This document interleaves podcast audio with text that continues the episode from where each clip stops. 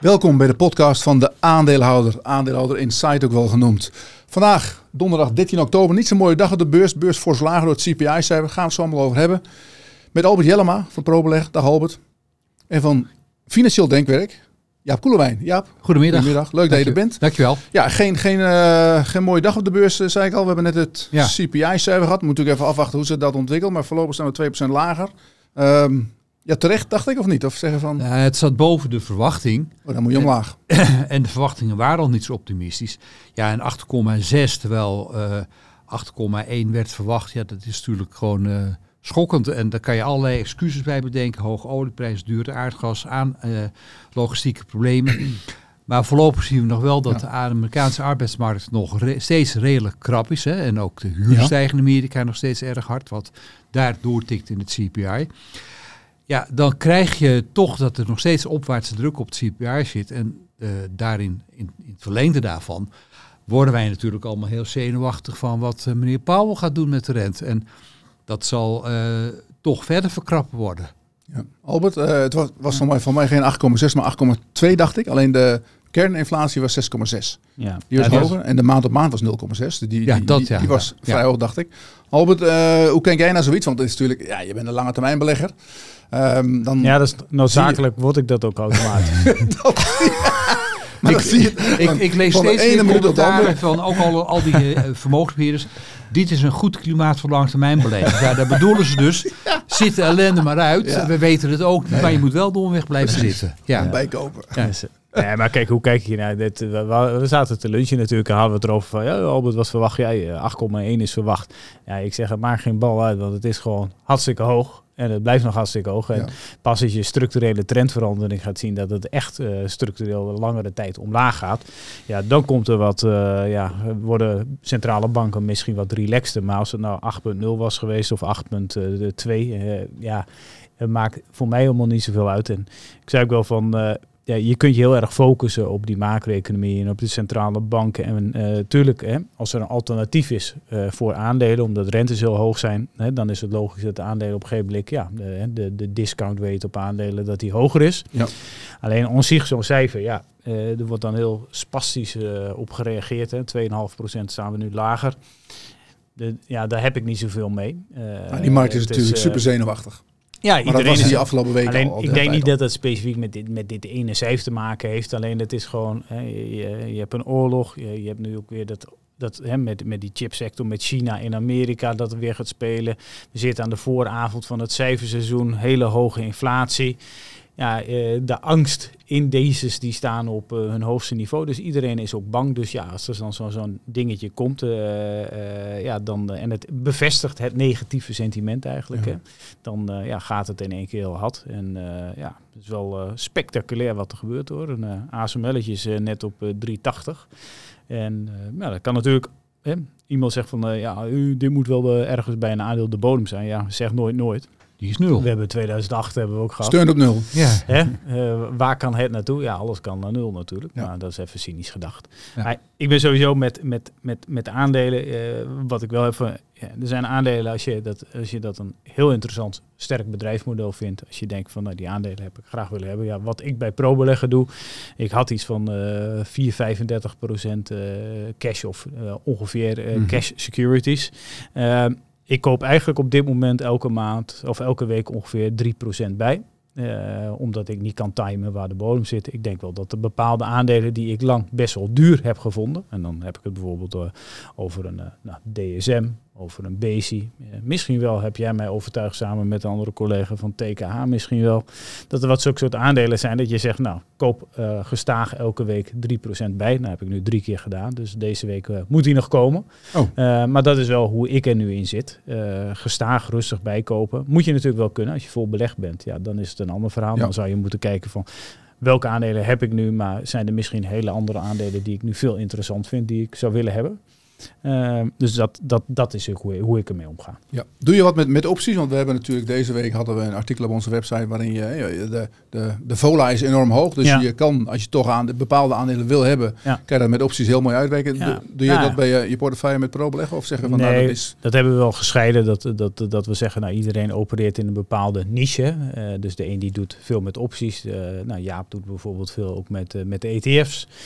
ik doe meer gewoon individuele aandelen. Alleen, kijk, stel je hebt heel veel cash uh, en niemand weet waar de bodem ligt. Alleen je hebt de implied volatility in heel veel aandelen is op dit moment echt heel erg hoog. Dus je krijgt soms wel eens uh, nou, 10% uh, rendement in twee maanden als het aandeel onveranderd blijft. Betekent ook dat dat je maximale rendement is als je die poets schrijft natuurlijk. Hè. Je kunt niet meer maken. Uh, alleen, uh, ja, je hebt wel een extra buffertje naar onderen mocht het wel wegzakken. Dus het kan als je veel cash hebt, is het misschien wel leuk om dat gedeeltelijk te je doen. Je kunt natuurlijk wel gecallt worden. Hè? Als je poets schrijft. Ja, dan kun je er geleverd kun je gecallt worden. Ja. Van Berkel schrijft elke week een stukje drie, drie, poten op dit en dat ze ja, zo. Als je poetje schrijft, dan krijg je ze geleverd. Dus dan, dan koop je, als je een ja. poetje op 10 schrijft uh, voor, voor een eurotje, ja, dan betaal je effectief 9 als je ze geleverd krijgt. Het is natuurlijk niks voor niks. Ik bedoel, ja, je neemt een stukje risico van iemand anders over. Daar, krijg je, daar krijg je geld voor. En dan, uh, als het dan misgaat, ja, je moet wel, wel zorgen dat je margin hebt. Of dat je in ieder geval, uh, of die aandelen zou willen hebben. Alleen het, het raar is natuurlijk vaak dat als je nu zegt van nou, IGN op 1100 wil ik wel hebben. Maar ja, als er straks 900 staat, dan wil je ze niet hebben op 1100. En dan heb je ze al. Maar dus, dat, ja, is, dus dat, is, dat is het probleem. En uh, nou, we hebben natuurlijk jaren geleden die hele affaire met de aandelenbaan gehad. Hè, dat daar enorm poets op werden geschreven. En dat ja. uh, beleggingsadviseurs ja. ook aan de leiding. Ah, dat gaat niet lager, dat aandeel. Het is uh, onvervoerd. KPN hebben we het hier ja. meegemaakt. Ja. Rond na 2000. aandeel stond ooit een keer op 80 euro en ging in de 50. Nou, nu kan het niet lager. We schrijven poetjes op 40. Ja, als het dan naar de 30 zakt, moet je ze op 30 afnemen. Nou, maar daarom heb ik wel zoiets van, kijk, stel je wil 5% van je geld in een aandeel hebben. Je hebt 100 euro. Dat betekent dat je eigenlijk uh, 5 euro in dat aandeel wil hebben. Als je dan een poets schrijft voor die 5 euro dan, en ze komen binnen, dan heb je gewoon 5% van ja. je portefeuille in het aandeel zitten. Zo, zo vind ik dat je ermee moet omgaan. Dus dat is wel de. Uh, ik uh, zie het niet als een gokverhaal, maar gewoon als een alternatief om het directe aandeel te kopen. Je krijgt ze gewoon goedkoper binnen in, in het ergste geval. En uh, je kan ze dan ook weer met opties, kan je er ook weer uit. Ja, er zit ook een aandeel aan. Weer een te schrijven. zit ook een aandeel aan. Hè? Want als het wel in één keer weer toch draait, hè? want de inflatiecijfer ja. was vandaag laag geweest, dan krijg jij, heb jij die aandelen krijg je dan niet geleverd. En dan heb je alleen je premie. Dus dat is de andere zijde. Ja. Doe je dat met ETF's, Jaap, in zo'n tijd? Heb jij bijvoorbeeld dat je zegt van nou, het gaat vandaag een paar procent lager, ik lig in. Ik heb er orders in liggen? Of nee, want ik zit vol, vol belegd. Ik, heb, ik krijg af en toe wel wat uh, plukjes uh, dividenden binnen. En die heb ik de afgelopen keren gewoon herbelegd. Oké. Okay.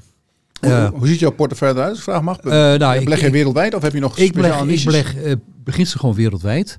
Ja. Ik heb een pluk emerging markets. Daar ben ik nu even wat minder blij mee. Omdat natuurlijk de Amerikaanse dollar hard is. Wat slecht is voor emerging markets. Rente gaat omhoog. Maar ja, dat hebben we in het verleden al vaker gezien. En dat herstelt zich meestal na verloop van tijd wel weer. Uh, ik heb pluk Amerikaanse aandelen. Maar ik heb daarin een portie waardeaandelen en een portie dividendaandelen. Mm -hmm. Ik zat al zwaar in de tech. Maar daar ben ik een nou, een jaar geleden ongeveer uh, heb ik dat afgebouwd. tijd? Uh, ik heb wat Europese aandelen. En ja, daar ben ik er minder blij mee. Ik heb een klein postje uh, Rabo-certificaten. Ja, die stonden vanmorgen op 91 of zo. Die hebben ja. ooit op 138 gestaan. Kan nog veel lager, hè? Kan nog veel lager, ja. Uh, alles kan nog veel lager. Maar ja, ik heb dan wel een, nu een direct rendement van zo'n 7 procent. Ja. Is natuurlijk ook een excuus om te blijven zitten. Uh, dat is wel een vraag die krijgen we van veel mensen. Ja. Van, van de Rabo. Je hebt ook veel over geschreven, al bij de Rabo-certificaten. Um, 7% nu is, is, als je hoort dat de Amerikaanse uh, rente al op 4% ligt en de Engelse rente, ja, is dan ja, 7% voor een bank nog wel zoveel. Er zijn ook wel andere uh, achtergestelde leningen, die handelen inmiddels op 8% met een soort vergelijkbaar profiel. Ja. ja, als je dat doorrekent, dan zit je, zou je voor Rabobank op 1,82% zitten.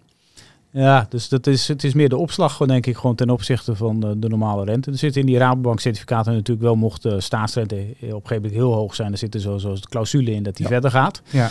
Uh, dus die zitten wel in. Alleen, ja, kijk, uh, heel simpel, een, uh, de rente was nul. toen waren die certificatenhandel bijvoorbeeld op 105, 106. Nou, nu is de rente op 10 jaar is 2. Ja, als je dan zegt van nou oké, okay, dat betekent dat je ook 2% meer wil maken effectief op die certificaten. Ja, dan is een koers van 90 best wel reëel. Ja, ja. Kunnen we weinig meer van maken. Ehm, maar je, je voert geen wijzigingen door nu? Dat bijvoorbeeld uh, je zegt van nou, ik neem winst op die dollar of ik... Nou, ik, ik, ik, ik, hou me niet bezig met speculeren met valuta, want dat, dat kun je eigenlijk onmogelijk voorspellen. Ik heb wel veel profijt gehad van uh, de sterke dollar de afgelopen tijd. Alleen ik zie die voorlopig niet afzwakken. Zolang de Fed doorgaat met oorlog voeren, gaat de dollar niet afzwakken. Wat ik wel heb gedaan, is een, uh, ongeveer drie kwart jaar geleden een pluk uh, fossiele energie kopen. Een trekker op de uh, car. Oké, okay, oh, oh, ik denk een vaatje olie, maar echt een ETF ook. ETF, die heb je. Nou, en die levert geen dividend op. En eigenlijk heeft hij mij een hele mooie hedge opgeleverd de afgelopen drie kwart jaar. Want ja. dat is een van de weinige onderdelen van mijn portefeuille waarop ik een behoorlijke winst heb gemaakt. Dat is, dat is en dat, speculeren, ja. Dat heet speculeren en dat heb ik. Mag je, ja, dat, mag heet, dat heet visie, Nico. nou, het is, het is een wat speculatieve draai die ik heb gemaakt, ook uit hoofd van diversificatie. Ik denk zolang de politieke spanningen voortduren met Rusland en, en uh, uh, ja, wereldwijd ook met, uh, met Koreanen die weer raketten af, afschieten, zal er toch druk op de energieprijs blijven staan, omhoog druk. Ja. En dan zie ik dit ook als een beetje als hedge ja. voor slechte ontwikkelingen. Belangrijkste is natuurlijk wel, wanneer stap ik weer uit? Nou, ja. dan, dan zal er echt een begin moeten komen van ontspanning in de Oekraïne. Nou, dat is echt heel ver weg. Want ook vandaag hebben Poetin en Erdogan met elkaar gesproken. Zeggen, nou, we hebben het over voetbaluitslagen gehad, maar niet over de oorlog.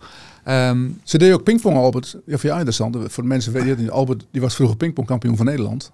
Op een paar na, maar goed, heel goed. Maar ze, ze hadden een foto gepost van Erdogan en uh, die meneer van, van Kazachstan. Die waren aan het pingpongen. Dat heet ook tafeltennis. Tafeltennis, tafeltennis ja. Voor tafeltennis, ja. Maar goed, sorry, ik onderbrak je. Maar pingpong doe je op de camping. Kijk, mijn, mijn grote punt van zorg op dit moment is...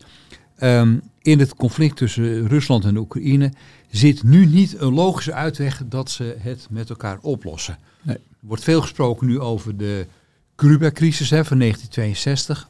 Nou, toen liep ik in de eerste klas van lagere school rond. Ik heb het niet bewust meegemaakt. Um, toen was er enorme spanning tussen de Sovjet-Unie en Rusland. Want de Russen waren bezig kernkoppen naar uh, Cuba te varen. En toen heeft uh, Kennedy gezegd, dat gaat niet gebeuren. Ik ga ervoor liggen.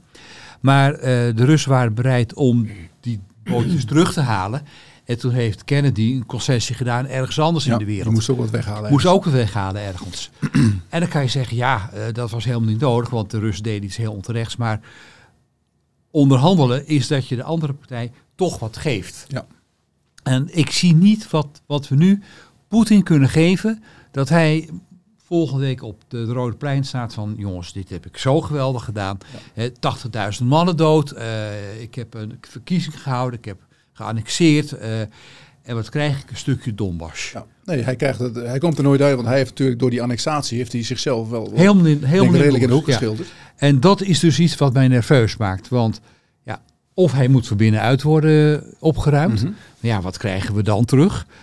Uh, of er moet een soort besef bij hem komen dat hij niet snugger bezig is. Nou, hij vertoont geen tekenen dat hij um, uh, tot enig inzicht komt. Hij blijft onverminderd oorlogzuchtig en hij escaleert. En hij escaleert ook nu weer met de beschietingen op uh, Kiev en andere plaatsen in uh, de Oekraïne. Overigens is dat een bewijs van zwakte, want hij kan het op het slagveld niet meer winnen. Nee, en dan gaat hij maar nee, raketten afschieten.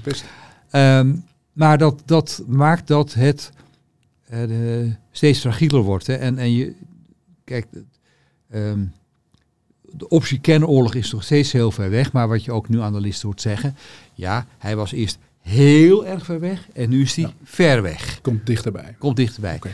Allemaal nou, niet uh, hoopgevend. Van Rusland gaan we even uh, naar Engeland. Want het uh, was best wel bijzonder net. We, toen we zaten te lunchen, liep de beurs eigenlijk eerst wat op. En uh, ja, wat bleek, tenminste dat neem ik aan. Er was een bericht in Engeland dat ze in Engeland aan het vergaderen zijn. Downing, Downing Street nummer 10. Bij de, de, de minister-president. De premier. En ja. die schijnt toch uh, dat ze met de Bank of England en andere partijen bezig zijn om de, de, de belasting plannen zoals ze die eerst hadden, om die om te draaien op een of andere manier. Ja. Uh, ze hebben het nu over een nieuwe U-turn, dat ze misschien de belastingen wel, wel gaan uh, verhogen in plaats van verlagen. Um, er is natuurlijk veel aan de hand geweest daar in Engeland. Ja. Die pensioenfondsen in moeilijkheden.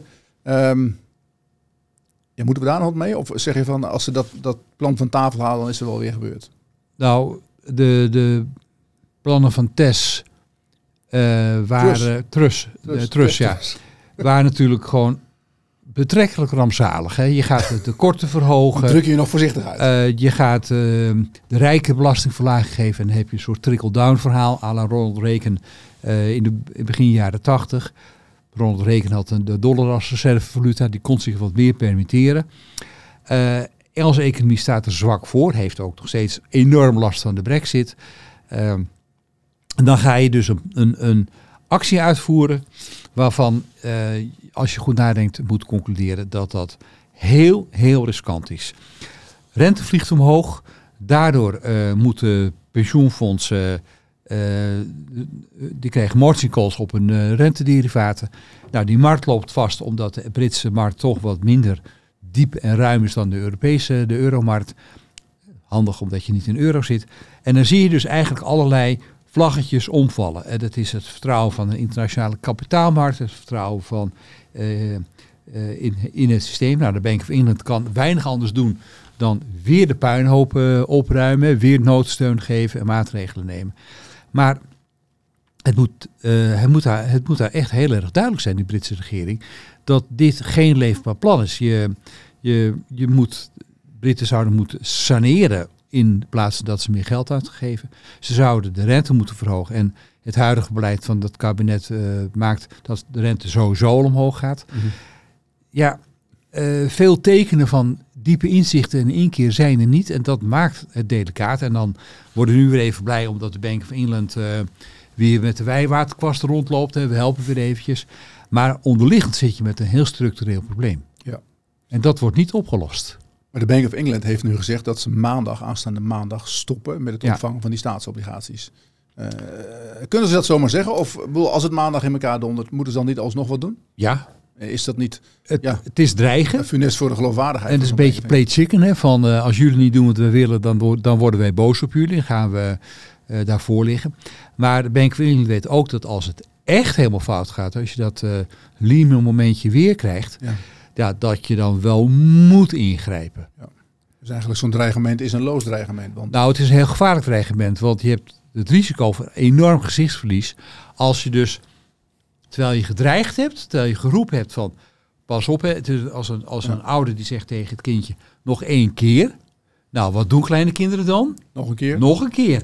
En dan moet je dus die afschuwelijke straf uh, uit gaan voeren. En ja, dat doe je dan maar weer niet. En nou ja, dan hebben zij natuurlijk uh, weer... Uh, herken je dit, Albert? Ja, we krijgen uh, opvoedles. ja, nou ja, goed. monetair beleid voeren, politiek bedrijven is ook een vorm van opvoeden. ja. je, moet, je, kunt, je moet nooit dingen zeggen die je niet waar of kunt, wilt of kunt maken.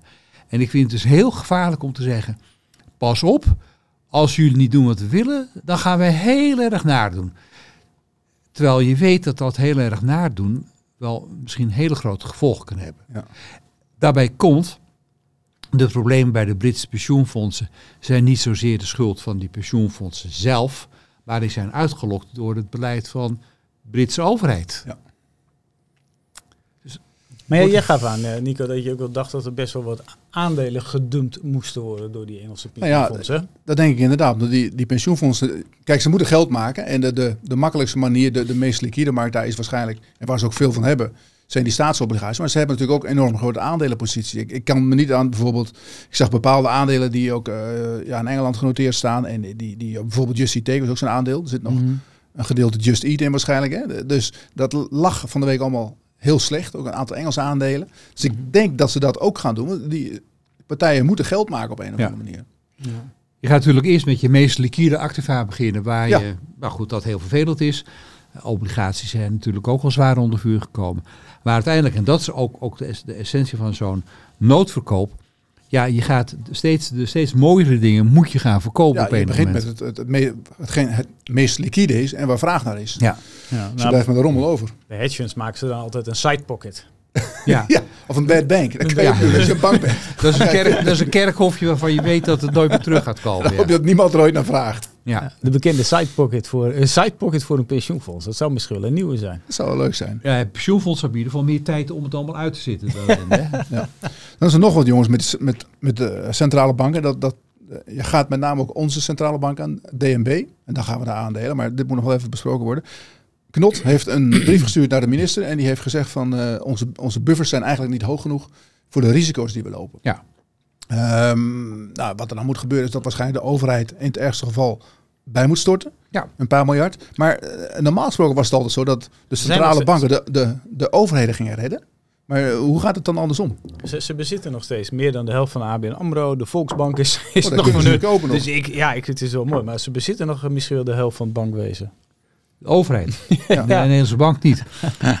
Ehm, ja, de gestegen rente maakt dat, dat de, de, de Nederlandse bank nu geld gaat verliezen op zijn portefeuille met aandelen, met de obligaties, want die dalen in koers. Ja. Dat is natuurlijk heel pijnlijk. Uiteindelijk worden ze wel weer afgelost, Ja. maar eh, je hebt ondertussen wel eh, dat die dingen onder, onder, onder de onder paren staan.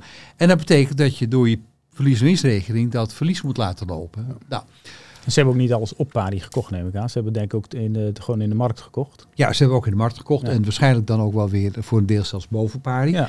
Nou ja, dat betekent dus dat je gewoon een heel vervelend momentje hebt. En eh, je hebt wel een opportunity loss, want eh, ja, je hebt misschien obligaties gekocht tegen de rente van 1,5, 2 procent.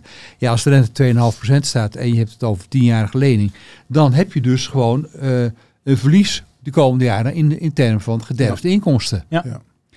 Ja, en dan gaan we toch maar weer naar mevrouw Kaag. Die moet voortdurend uitdelen, hè? Energiebedrijven, bakkers. trouwens.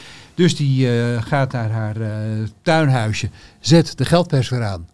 En zorgt dat er weer collateral eh, boven Ja. tafel komt. Nu gebeurt dat natuurlijk overal in Europa, neem ik aan. Ja. En, en onze, onze staatsschuld nu was geloof ik 48,8 procent. Dus ja, dat nog wordt misschien 50. best, best in de, Ja. Nee, daar, zou die, daar zou die naartoe gaan. eh, met wat er bij eh, Prinsjesdag was gedaan. Zou die van 52 naar 48 of zo gaan. Ja. Oh ja, maar Nou, dan komt dat die wordt 23 gezien. miljard bij van de energierekening natuurlijk. Ja. Ja. Maar hoe gaat het dan in Italië bijvoorbeeld? Eh, ja, dat, maakt, dat kan dus niet. En dat maakt dus de noodzaak dat er een oplossing wordt gevonden voor die enorme berg schulden op de balans van de ECB. Eh, de, de, de- de- en ook de schulden van landen als Frankrijk en, eh, en Portugal. Daar moet een oplossing voor komen. Nou, er zijn al verschillende economen die hebben gezegd van eh, converteer die Italiaanse staatsschuld of converteer de schuld op de balans van de EVB, ECB, converteer dat naar een soort eeuwigdurende lening, hè, dat er dus niet op afgelost Ja. hoeft te worden.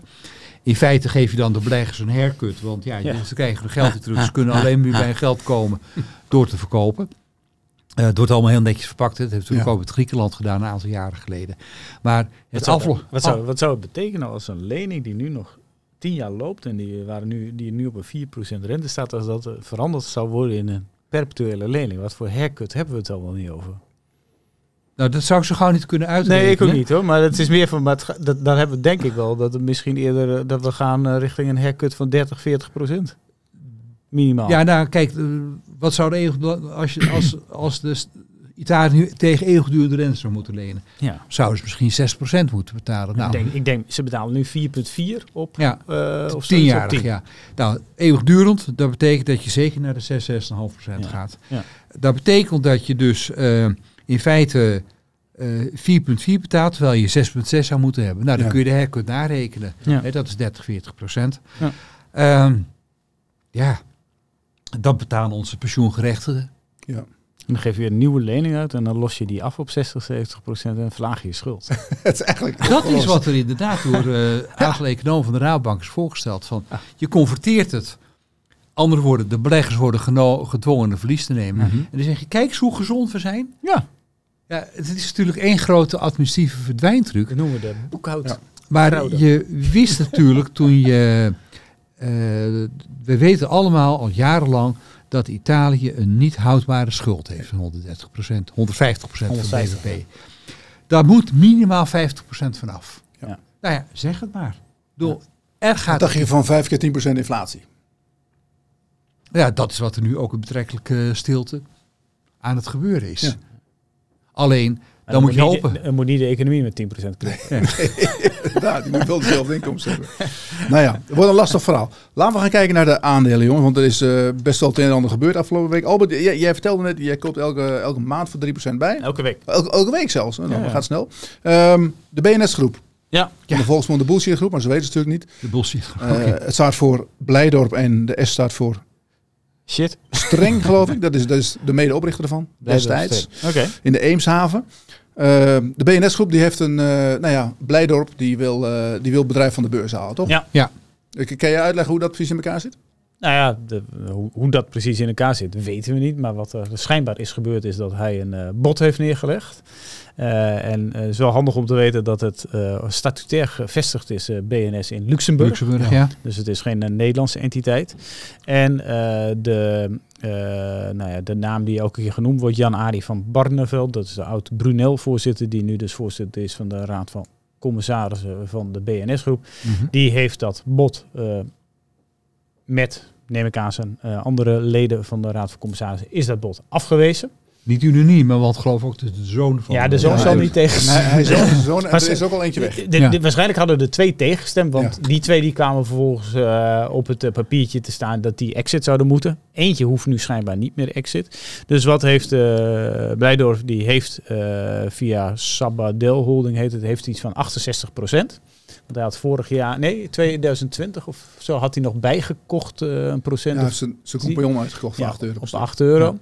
Ja. Um, en nu wil hij dus een uh, bijzondere vergadering hebben, omdat hij, plat gezegd, degene die hem dwars zitten, die wil die eruit zetten. En dan wil hij daar, uh, nou ja, laat ik het even cru zeggen, een paar ja-knikkers neerzetten. en die, dat die dat bod zouden accepteren. Nou, de man is natuurlijk ook niet van onbesproken gedrag. Dat Nee, weet ik zelf niet. eh, ja. dat eh, daar heb ik niet de details van.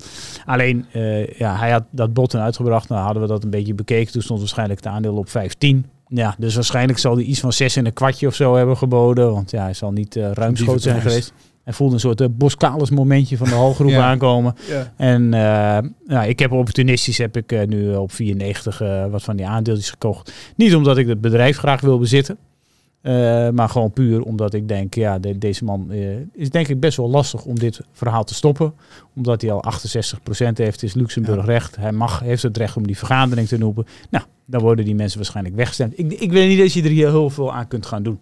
Het is eh, een, een klassiek voorbeeld van slechte governance. Ja. Want ehm, nou ja, er zijn ook een aantal, bijvoorbeeld Kitty Koelemeijer, hoogleraar op Nijrode, zit in de Raad van Commissarissen. Oh. En Ja, ja, maar die, stond, maar die, die, is, eh, die moest eerst weg. Hè. In, zijn, in zijn eerste Ja. aanvraag, voor de a- eerste AVA heeft hij gezegd... Koelemeijer en, nog iemand. en Jan-Arie van Barneveld moeten, Ja. moeten weg. En Ja. dat heeft hij weer ingetrokken. En nu komt ze opnieuw. En nu gaan ze inderdaad wel organiseren, ook het bedrijf. Dus er er komt nu een AVA. En het enige agendapunt is dat, dat Jan-Arie weg moet. Pikant detail is dat eh, Willem Middelkoop ook... eh Blijdorp. Blijdorp bedoel ik, ja. Andere, andere, coureur- ander- al- al- andere schurk. Oh. Nee, dat bedoelen we niet. Nou ja, goed, knip er maar uit. Ehm, eh, die is, heeft een eredoctoraat gekregen op Nijrode. Nou, ik, ik, Oh ja. ik, ik, ik heb ook afgelopen vragen. Hoe kun je nou iemand die een track record heeft van ehm boetervaarten, het, met, eh, dus met de Ja. bootje in Duitsland varen met het doel de belasting te ontgaan. En mensen op die boten allemaal meuk aan te smeren. Hè, want ze werden eh, nou ja, gewoon toch ontzettend ingepakt. En dan gingen ze Sigaretten, boter. eh, sigarettenboten en dan gingen ze daar nog onderweg encyclopedieën kopen en zo. Zaten er hartstikke aan vast. Hij had volgens de NRC, die hem uitvoerig onderzocht heeft, ook eh, prostitutiepanden in eh, Groningen. Daar is niks op tegen, maar het zegt wel iets over waar je voorkeuren Het is liggen. dus een vastgoed investeren. Hij is ook vastgoed investeren. Zo kun je het ook En hij heeft eh, met eh, een grote whiskyproducent enorm ruil gehad over een, eh, het onttrekken van goederen aan een fa- faillissement. Oké. Er zijn een aantal Ja. rode, rode vlaggen bij hij deze man wat- ja. waarvan je zegt, nou, nou, nou, nou. En die krijgt dan een eredoctoraat op Nijrode. Nou ja, goed, het is maar wat je wilt. Joop van Den heeft het ook gekregen, maar die had tenminste nog een eh, interessant verhaal en toch een ander, ander kaliber. Maar goed, eh, deze man die, eh, eh, die, die blij, gaat dus gewoon on, onvervroren voor zijn eigen belang. Want zijn strategie is dat hij natuurlijk nu voor 6 euro koopt. Ja. En hoopt over een paar jaar tegen 10, 12 weer uit te stappen als de ellende weer voorbij is. Ja. Maar, maar eh, kijk, hij is, hij is natuurlijk wel de grote aandeelhouder. Ja. Eh, ik vind het ook. Hè. Hij heeft het voor 14,5 euro naar de beurs gebracht. En, Dat valt een en beetje nu, tegen, eh, ja. Op 8 en nu waarschijnlijk op 6. Nou, volgens mij hebben ze er wel een paar weken boven krijgen. gestaan hoor. Boven Ja, dus, eh, heeft 18 Ja. euro gedaan. Even heel Ja. kort. Maar dat was, ook een, dat was ook een lastige beurstijd trouwens toen. Maar ehm, eh, hij is toch gewoon, hij heeft de meerderheid. Dus hij kan wel heel veel beslissen. Hij kan het ook, ja. En het zijn geen gecertificeerde aandelen. Dus uiteindelijk, bottom line, mag hij. En dan krijg je natuurlijk wel de proost de vraag van... ja, tegen welke prijs moeten ze worden uitgekocht, hè, die Ja. andere aandeelhouders? Nou, daar kan ik me ook wel weer rechtsgang over voorstellen. Maar ja, als je nu aandeelhouder bent... Maar kan dat als je het in Luxemburg nee, hebt? dat dan, is dus eh, een van de problemen. In, doen, in, in Nederland ben je als minderheidsaandeelhouder ook niet zo lang toch al redelijk beschermd. En dan moet Ja. er gewoon een, eh, een bod komen. En anders kan de ondernemerskamer een procedure instellen dat de waarde wordt bepaald. En dan eh, kan het ook, bod ook verplicht worden. Dat je gewoon Ja. moet leveren. Ja. Zoals we bij Boskalis ook hebben Ja, gezien. Op een gegeven uit moment de moet je gewoon gaan leveren, uitroken. Ehm, ja, het is allemaal niet zo vrolijk. Maar ik, Nee. als je erover nadenkt, hè, waarom koop je als belegger in Nederland een bedrijf dat in Luxemburg, in Luxemburg Ja. eh, is genoteerd? Dat, daar daarmee geef je al aan dat de eh Blijdorp, ik zal me niet even spreken, Blijdorp, gewoon zich aan niets iets gelegen laat liggen. Nou, en dan moet je dus afvragen of je als aandeelhouder bij zo'n bedrijf aan boord wil zijn. Maar er zijn wel meer bedrijven op de Nederlandse beurs die natuurlijk in het buitenland gevestigd zijn. Ja, het- bijvoorbeeld Hal- Hal, zit, zit gewoon op Bermuda, geloof ik. Ja, Eh, we hebben Altis gehad, wat in Frankrijk zat. Ehm, Of weet ik wel, die zat. Maar goed, er zijn er wel meer. ja uit de En, Douglas ook. Daar zat gewoon ook de familie Zonneberg. eh, Ja, grote grote aandeelhouder. Douglas. Nou Ja. ja. eh, ik bedoel, mensen zien dit wel als een Nederlands bedrijf. Wat vind je van een Proces? Prozus, nou, eh, helemaal erg. Dus, Ja. eh, Een eh, gov- governance nightmare natuurlijk. Maar, Ja. eh, eh, om even terug te komen op de prijs. Albert, ja, voor 6 euro zou echt een dievenprijs zijn. Helemaal gezien de historie. Maar ja, dievenprijs. jij gaat ze gewoon inleveren dan natuurlijk. Die, dievenprijs, ja, wat is een dievenprijs? Ik wil in principe helemaal niet deze aandelen bezitten. Nee. Eh, dus ik heb eh, gewoon een klein opportunistisch treetje gedaan. Dat is af en toe leuk. Ja. Eh, en meer, meer moet je er ook niet mee willen. Er is En, geen dievenprijs, het is gewoon prijs die het nu is. En Ja. als iemand Ja. langskomt die zegt, ik bied een euro meer, ja. Dan verkoop je het. Dan heb je Ja, ze. en, dan zal, en diegene, die zal er niet zijn. Want niemand zal dit... bede- Kijk, maar dat is ook een beetje wat Jaap zegt van... Ja, dan wil hij het over een paar jaar later misschien weer voor een tientje verpatsen. Moet ik nog Die, die, die draak je niet kwijt aan private equity of zulke soort partijen. Het is, het is best wel mazzel, denk ik, dat hij ooit op die beurs is gekomen. Eh, En eh, dat was natuurlijk eh, beginsel in waarschijnlijk in, gewoon in een goede tijd. Eh, maar dit is. je kunt er in principe gewoon, als je de fundamentele analyse doet, ben je eigenlijk na 10 minuten wel klaar. Want eigenlijk wil je er gewoon niet in beleggen. Nee. Eh, misschien heel tegenstrijdig wat ik zeg. Alleen ja, ja, voor een trade eh, Ja. kun je het proberen. Maar dit Meer moet je er niet van maken. Hij heeft overigens, en dat vind ik altijd een goede rode vlag, een paar jaar een, eh, geleden een prijs gekregen voor de meest succesvolle ondernemer. En hij pronkt op de foto samen met de heer J.P. Balkenende. Ja, Eh, Pieter. allebei keurig in, eh, in, in eh, blue, blue tie, of eh, black tie. Ja. Eh, deze mensen weten op de een of andere manier altijd iets voor elkaar te krijgen dat ze toch eh, weten indruk te maken. Dat geldt ook voor andere ondernemers. Hè. Eh, dat je denkt van, hoe kan het dat mensen die zo'n bergrogende puinhopen achter zich hebben, toch dan weer eh, in de pers staat te glimmen. En dat is kort en goed omdat hij geld heeft. En een Ik, ik dacht, ik dacht die, die red flag. Ik denk van nu ga je wat hinten op Balkenende, maar dat was niet Nee, zo. Balkenende, nee. dat is... eh, Heb de je met meest- te maken gehad? Eh, ik heb Balkenende op de afstudiesessie van onze beide dochters de hand geschud en later een keertje boterhammetje met hem gegeten. Maar eh, ik die, daar, Jan-Peter was toen eh, partner bij EY en die moet Oh, ja. zich vooral bezighouden met allerlei publicitaire zaken. En die wordt daar ook dan voor ingezet. Hè. Dat is natuurlijk ook weer leuk voor EY. Kijk, wij zijn met een succesvol ondernemers. ik denk wel dat je heel erg moet oppassen. Ik, ik ben zelf uitermate sceptisch over mensen die zich in het publiek laten lauweren voor eh, allerlei zaken. Denk, ja, waarom wil je zo nodig eh, ondernemer van het jaar worden? En net zoals, ja, ik moet even overleeg lopen hoor. Ja. Ehm, nu de, de grote baas van het APG eh, krijgt de prijs voor de beste vrouwelijke manager. Waarom wil je dat? Je bent er voor de gepensioneerden. Je bent er niet voor de publiciteit. Je Ja, bent maar er ze niet- krijgt die prijs. Ik neem aan ja, dat maar je doet mee aan zo'n verkiezing. Ja. Hè? Je laat je nomineren. Ja. Je kunt ook zeggen, ik hoef dit helemaal niet. Dus Jaap was ook... eh, Nico die is ooit, eh, heeft ooit de Gouden Stier gewonnen. heeft zich ook laten nomineren. Ja. Dat is eh, echt, zegt genoeg hè? En binnenkort moet bestaan je voor de rechtbank. Als gedaagd Ja. klagen. Nou, we zullen het zien met BNS Groep. Ehm, de AVA wordt belegd voor 18 november. Officiële datum die volgt nog. En dan, eh, dan gaan we kijken of het hem lukt. En Ja. wat hij er gaat doen. En dat zal Albert ze kan inleveren op 6. Nou ja, gezien het slechte beursklimaat denk ik, willen we misschien wel bied 550. Hij zit natuurlijk mooi Ga, je, ga je toch nat, Albert? Ga je toch nat? Dan krijg je dat ook nog eens. Daar, daar, daar had Hebberigheid, natuurlijk ja. ook mazzel mee met, met uh, ja. Verder dalen. Mensen denken dan, nou, ik lever ze toch maar in. Ik zit nog te wachten op dat Vopak. eh want ze zei dat de Boskalis is bijna afgerond. Dus dan eh, moeten we Vopak Dat de volgende pakken. komt. Ja, nou Vopak. ja, Ja. Dat zou eventueel kunnen. Ja. Ehm, even kijken. BNS hebben we het over gehad. Eh, Dan ehm, Philips. Ja. Jaap, eh, is ook een drama. Nogal. Hè? heb je het over governance. Hè? Wat, wat, wat vind je er nou van als een bedrijf, zeg maar twee dagen voordat een nieuwe CEO begint, een winstwaarschuwing uitstuurt?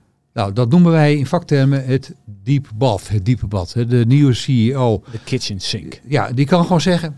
ehm, ja, Frans van Houten, ja, goed, eh, aardige vent. We hebben ook maar een bonus meegegeven, ondanks zijn beroerde prestaties. Hè. Ik ben even cynisch hoor, maar...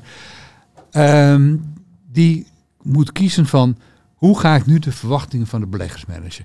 Dan kan je dus maar beter zeggen... ik heb hier een eh Emmer Bagger, dat vertel ik Ja. je nu... in de hoop dat het allemaal meevalt. Maar wat we zagen, en, en ja, dat, dat, dat heeft me toch verbaasd. Hij heeft de winstwaarschuwing gedaan, maar zegt erbij... Ja, we hebben nog procedures in Amerika over een eh Beademingsapparatuur. bewaardersapparatuur. We moeten misschien nog schikken met boze beleggers. Eh, we weten niet of we alle problemen boven water hebben. Ja, dan heb je dus slecht nieuws, maar je zegt in feite erbij... Er komt nog Ik zou werkelijk niet weten of er nog meer slecht nieuws achteraan Nou, het, wa- het was ook wel echt, echt als je er- ik, ik, ik had een stukje over gemaakt. En als je het dan ook las, dan denk je van oké, we beginnen met eh, de operationele winst, de helft van de verwachting. Oh, oké. Dan eh, ja, de omzet. Ja, de omzet eh, daalt. Eh, eh, vierde kwartaal eh, zou er een herstel komen, jaar op jaar, dat zou kunnen. Nee, die daalt ook nog verder.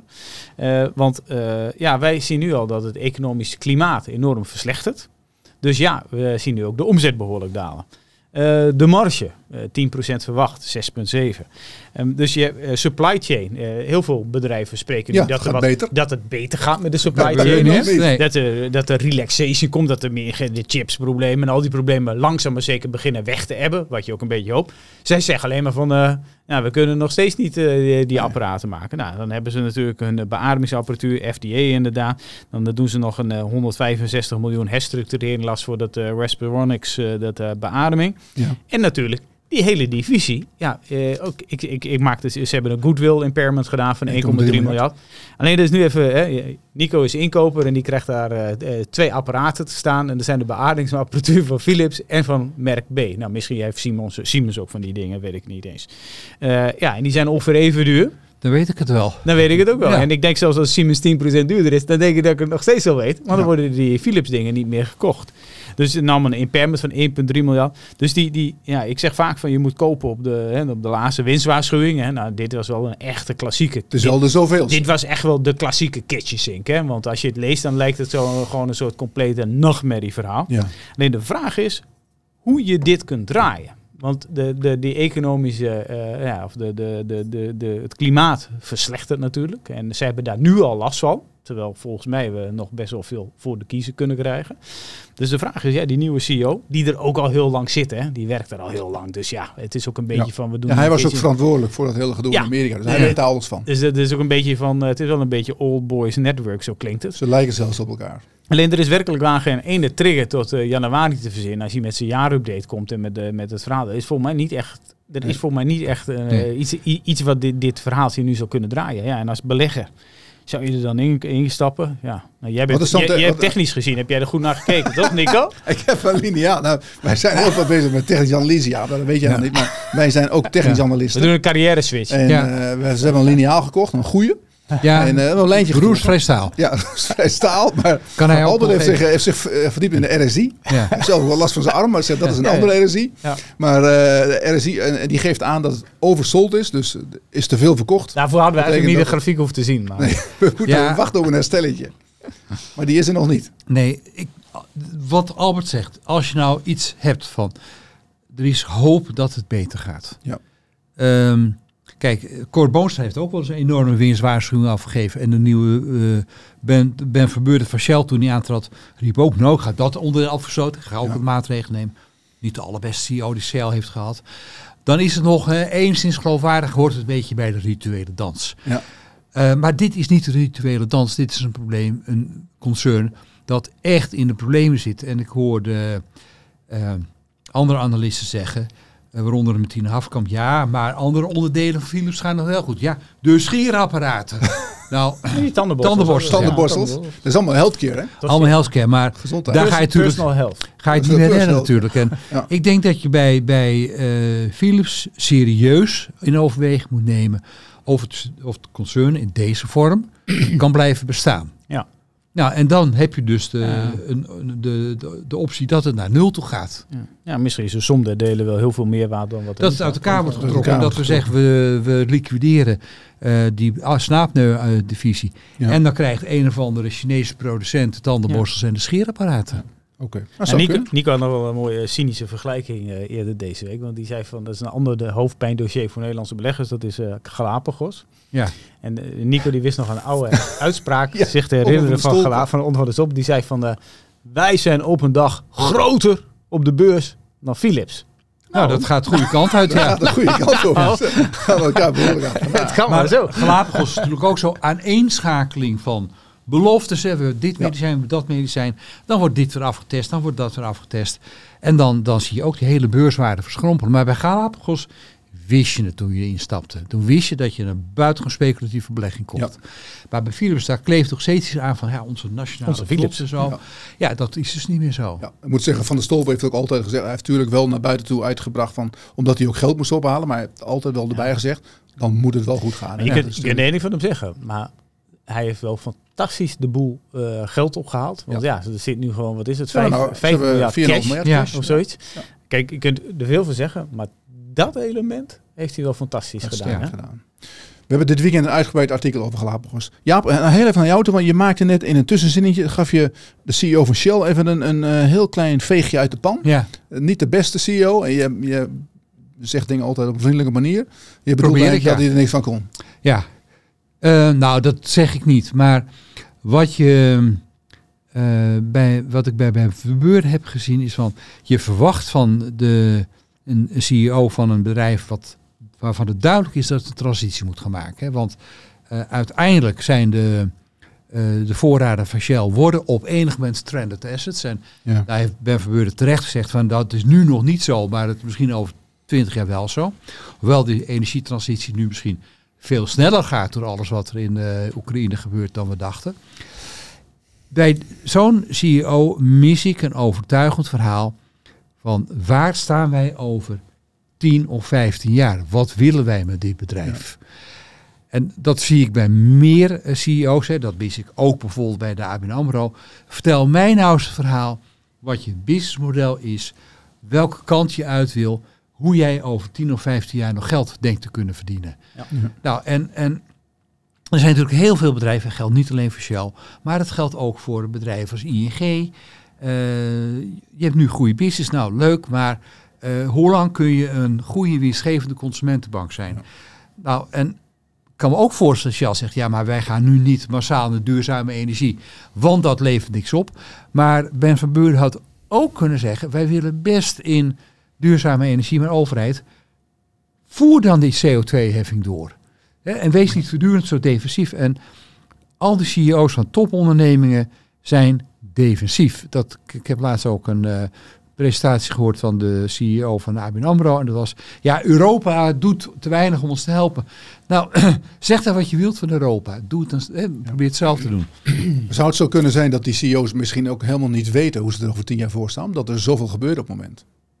Nou ja, je weet als olieboer dat er een moment komt dat wij niet meer op benzine rijden. Nee. En je weet ook dat er een moment komt dat wij eh, andere energiebronnen hebben. Of nou waterstof, wind is, het doet er allemaal toe. En ik weet ook dat de aandelen eh, niet fossiele energie nog zeer beperkt zijn. Maar je ziet wel dat er nu enorme inspanningen worden verricht om eh, tot de transitie te komen. Nou, en, en daar had hij iets over kunnen zeggen. Ze hebben ook wel een beetje gedaan met Shell. Maar eh, Volgens mij is die, die nieuwe CEO komt wel een beetje meer uit die hoek, toch? ja, die heeft ook te maken gehad met windmolenparken, geloof ik. Ja. Ehm, het blijft, Oh, natuurlijk, ja, klopt. Ja, ja, blijft natuurlijk heel moeilijk verhalen. Eh, Shell pompt al 150 jaar eh, of zo olie uit de grond. En eh, dat verkopen ze met weinig winst, veel winst, maar het is nog steeds succesvol. En dat is dus eindig. Oké. Nou, volgende week, volgende, mij, ja, de volgende week hebben we eh Jillis in de podcast. Dus zullen we uitgebreid doorpraten met Jillis over Shell. Ehm, Albert, we zijn bijna aan het einde van de show. Eén aandeel nog wat- waar we ook wel veel vragen over krijgen. Basic Fit. Eh, dat is nou een CEO die weet wel waar het heen gaat. Hè? Basic Fit, Ja. sportscholen. Ehm, hoe... ehm, ja, het aandeel deed eigenlijk heel goed in de coronatijd. Ja. Maar nu is er één keer een tientje af. Ja. En eh, ik hoorde jou vandaag een beetje, ja, was het niet zo'n eh, Ja, een beetje zagrijnig. een beetje chagrijnig over. Ja, een beetje zagrijnig. Nou, gewoon überhaupt zagrijnig. Ja. Kan toch, Ook dat mag af en toe toch? Maar hoe, want Gaat wel goed met die, tafelvoetbal, Die mensen, die, wel, ja, dat gaat heel goed. Ja. Die, hij vond me 10-9 van mij. Die, die, die mensen die vragen, eh volgens mij, Nou, weet je wat het- abonnement 1995, maar Ja. ze gaan niet omhoog. Terwijl je zou toch zeggen, bij iedereen lopen de kosten op. Ja, je, je, je, zit- af en toe te kijken van, hè, van eh, want eh, wat doen, doen hedge funds of, of kwa- kwantitatief gedreven hedge funds, die, die, hè, die zoeken vaak bepaalde thema's waarbij ze mandjes van aandelen willen shorten. Want er zijn heel vaak, dat zien mensen in die shortlijstjes staan, hé, hey, dat aandeel, daar lopen de shorts op. Oeh, wat is er aan de hand? Ja, het zijn vaak bijna, zijn heel vaak zijn het quantgedreven fondsen die bepaalde thema's willen shorten. Want als Ray Dalio short zit in ASML, dan heeft hij helemaal geen mening over ASML. Maar hij short gewoon een hele mand in de semiconductor Ja. eh, sector bijvoorbeeld. Nou, dan heb je bij Basic Fit, eh, zie je ook, hè, die shorts die liepen ook wat op. Maar ik zei zelf ook, en we gaan er een screentje voor maken ook binnenkort, eh, van kijk op dit moment, de rente loopt heel hard op. Hè? Eh, of is heel hard opgelopen. Nou, als je dan bedrijven hebt met hoge schulden, Dat Ja. hebben ze. eh, dan vallen die natuurlijk op. En daar komen gewoon van die kwantitatieve hedge funds. Die zoeken het lijstje van hey, bedrijven met relatief veel schuld. Met nou, hopelijk ook niet te lange looptijd van die schulden. Nou, dat is Basic Fit. Basic Fit heeft behoorlijk veel schulden. Want zij eh, investeren enorm fors in uitbreiding. Dus als je kijkt naar net debt EBITDA, als je daarop zou screenen, dan zou Basic Fit wel een van de topscorers in het Nederlandse universum zijn. Nou, dan heb je nog de contante leaseverplichtingen van al die sportscholen. Eh, als je dat er nog bij zou optrekken, dan wordt het nog veel erger. Want dat is natuurlijk eh, IFRS wat tegenwoordig verplicht is. Nou, er komt bij, eh, hun kosten lopen natuurlijk nu best wel fors op. Qua, ja, als je daar gaat douchen. Ik noem wat, ik zei tegen mijn kinderen, neem zo'n familieabonnement. Dan gaan we met elkaar gaan we daar één keer in de week douchen. Hebben we het abonnement er al uit. Ja. Hè, zo makkelijk is het voor 20 euro. Dus die kosten die lopen best wel hard op. Ehm, dus dat abonnement moet eigenlijk ook harder omhoog. Ja. Maar ja, waar gaan mensen op bezuinigen als je in de gaat? Ja. Dat is op sportscholen. Dus je, je hebt hier eigenlijk een mix van hogere kosten. Als zij de prijs van hun abonnement gaan verhogen, jagen ze die mensen misschien wat sneller de sportschool weer uit. Mhm. We hebben misschien wel een recessie. Eh, daarbij zijn ze met een enorm grove investeringsplannen bezig. Ook in Duitsland moeten er weet ik hoeveel sportscholen komen. Eh, en tot mijn grote verbazing stond het aandeel de hele tijd daar nog te blazen op die 40 euro. Eh, nou, nu is het dan wel van 40 naar 30 gedonderd. Alleen het is wel zo'n aandeel wat in dat lijstje komt dat je denkt, nou, eh, eh, dit is wel, hè, als je het hebt over quants waar ze op screenen, waar ze shorten willen, dan is dit wel een van die aandelen die eigenlijk het nog heel goed heeft gedaan. Ja. En we hoorden vandaag ook dat Jaam niet meer naar de sportschool hoeft, want zijn BMI is... Zijn BMI is Nee, nee, ja, juist, ja, juist, ja, nee, ja. nee, nee, heren. Juist om het op peil te houden, moet ik daar even verrekte sportschool. Oh, ja. Maar je, hebt je, doel, je hebt je doel bereikt, toch? Je bent er. Ja, maar dan moet je het onderhouden. Ja, ja. Ja. ja. Oké. En jouw Maar- buik heeft nog last van 8% Ik heb- inflatie. Ja, dat is inflatie. Je hebt, je hebt 8% inflatie zitten. Ik heb er zelf ook 8% bij gegeven dit jaar. Ja. en Ja. ja. ja, dan kijk ik ook, ja, de inflatie blijft gewoon staan, dus kunnen wij nog gaan doen. Je bent nog wel Ebusco vergeten, hè? Ebusco? Ja, nee, ik, ben, eh, ik was net bij de B, ik kom nu bij de E. Ebusco. Ah, oh. ASML hebben Nee, we gehad. Die zijn het laatste aandeel van de Ebusco, even kort. Ebusco die had een uitgebreide trading up Ja. eh, dit jaar. Aandeel is ook, eh, bleef de hele tijd heel goed liggen. Ja. Krijgt nu ook wel een klap natuurlijk. Ja. Ehm, hoe gaat het daar? Ja, ja, is eigenlijk eh, naast de Alphen uh, zo ongeveer een van de weinige. Ja, en dan heb je NX Filtration. Eh is eigenlijk een van de weinige aandelen puur energietransitie gedreven die je zou kunnen kopen op de Nederlandse beurs. Ja. Eh, was een hele sterke update, eh, waarbij het aantal, eh, het orderboek 1424 bussen. Ze houden vast aan die 285 bussen voor dit jaar. Ze hebben 3800 bussen komen in de tenderactiviteit, eh, productiecapaciteit. 3800? 3800 op dit moment. Wil niet zeggen dat ze zomaar winnen. Eh, ze, Nee. ga- ze kunnen nu eh, één bus per dag maken in Deurne. Dan moet aan het eind van het eerste kwartaal twee bussen zijn. Ze gaan eh, Frankrijk openen. Eh, ook weer de supply chain de neemt wat af, de druk erop. Ze, zien wel ze hebben nog steeds wel last van hogere kosten om die producten op de, de bussen Ja. op tijd af te krijgen. Ehm, dus eigenlijk draaien ze conform verwachting. Maar ja, het, de- het, het is wel een belofte. Hè? Want er Ja. moet heel veel gebeuren. Eh, om uiteindelijk naar 3000 bussen per jaar te gaan en die anderhalf miljard omzet. Eh, maar het is wel gewoon een, een, een heel interessant eh, beleggingsverhaal. En natuurlijk geen winst. Winsten liggen vers in de toekomst. Rente lopen Ja, op. dus Er moet nog een keer nieuw geld in. Hè? Dat hebben ze bij de IPO al gezegd. Er moet nog een keer, wat was het voor mij, 100 miljoen in. Ja. Eh, maar je hebt wel een paar sterke jongens erin zitten. Je hebt eh, Mark Koek heeft erin zitten. Daar zijn ze zelfs laatste eh, presentatie met de, de achterliggende klanten van Koek. Ze hebben de Beuningen van Beuningen zit erin met een behoorlijk steek. Dus de free float is ook relatief klein. Dus er zitten wel een paar... Heeft Bijveld zelf nog een hoop, ja, hoop ja, aandelen zelf? een het heleboel aandelen. Heeft niks verkocht ook tot nu toe. Nee. Dus het is wel een. Maar dit is wel, denk ik, van, van de CEO's die ik ken. Eh, is dit wel een van. En dat wil niet zeggen dat, het- dat het allemaal fantastisch gaat. Maar dit is wel een van de meest gedreven CEO's die, die ik Ja. ken. Deze die, die gaat echt.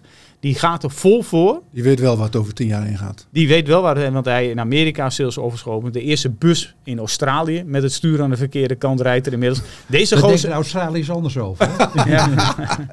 Maar hij gaat er vol voor, hè? Hij gaat er vol voor. Dus ik vind het wel echt eh interessant verhaal. En eh, zeker voor op het netvlies, eh, vind, denk ik. Oké, nou houden we in de gaten. Volgende week, we zijn bijna aan het eind van de show jongens. Volgende week eh, beginnen de, de, de kwartaalcijfers eigenlijk, derde kwartaalcijfers. Trading updates, whatever. Ehm, 19 oktober, ASML. ASML ging vandaag door de 400. Ja, gevoelens bij bij ASML? Nou ja, dit, dit is een bedrijf waarvan je zegt, ehm, het woord lange termijn mag ik eigenlijk niet gebruiken, maar dit is nou een bedrijf is waarvan wel een ik, belegging. waarvan ik denk, die hebben nu een bewezen verdienmodel en ze Ja. verdienen een, een, een businessmodel. Ze innoveren voortdurend, maar ze zijn natuurlijk ook gevoelig voor de cyclus, de rente. Dus ook ASML kan gaan fluctueren en ja, er hoeft maar iets te gebeuren in, in de hele relatie tot China. Ja. Eh, de, hoeven we weer ergens... TSMC. Kan er weer, dan kan zo'n aandeel knauw krijgen. Dus niets is heilig op de beurs. Ze begonnen ooit in het schuurtje bij Philips, hè? Ja. ASML. Ja, Ja. Ze, ze zijn ook meer dan gehalveerd, hè? Ja, Ja. dat is waar. En dan zou je kunnen zeggen, ehm, nou, zo'n aandeel nu halveert, dan vind ik een ander verhaal dan bij Philips. Eh ASML is in de kern gewoon een heel gezond bedrijf. zijn geen Groeit. issues. Geen, geen, geen groei om te groeien, maar beheerst groei. Geen schuld. Geen schuld. Nou, daar kan je wel op een andere manier tegenaan kijken. Oké. Maar kijk jij het meest naar uit, Albert, volgende week? Qua cijfers? Qua cijfers.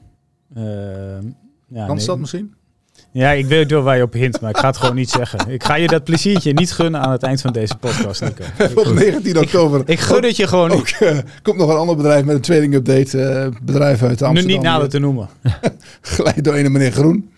dus dan, eh, maar dat is op 19 oktober. En dan kijken we natuurlijk ook Ik naar heb wel gehoord dat hij zijn naam gaat veranderen bij de... In rood? Ja, eh, Jitse Rood je bestaat kunt je, naam, je kunt je naam veranderen. Twitter-account, die, die heet Jitse Rood geloof ik. Die volgt alle, alle downgrades. Maar goed, Ja. we zullen het zien. 19 oktober. Ehm, voor nu, mensen die kijken, het zou leuk zijn als je abonneert op ons YouTube-kanaal. Dan krijgen we zelf de laatste video's die Albert en ik en Jordi hier maken in je tijdslijn. En dan eh, wil ik je bedanken voor het kijken. Tot volgende week. Ja, bedankt voor Ja, je komst. En Albert gedaan. bedankt.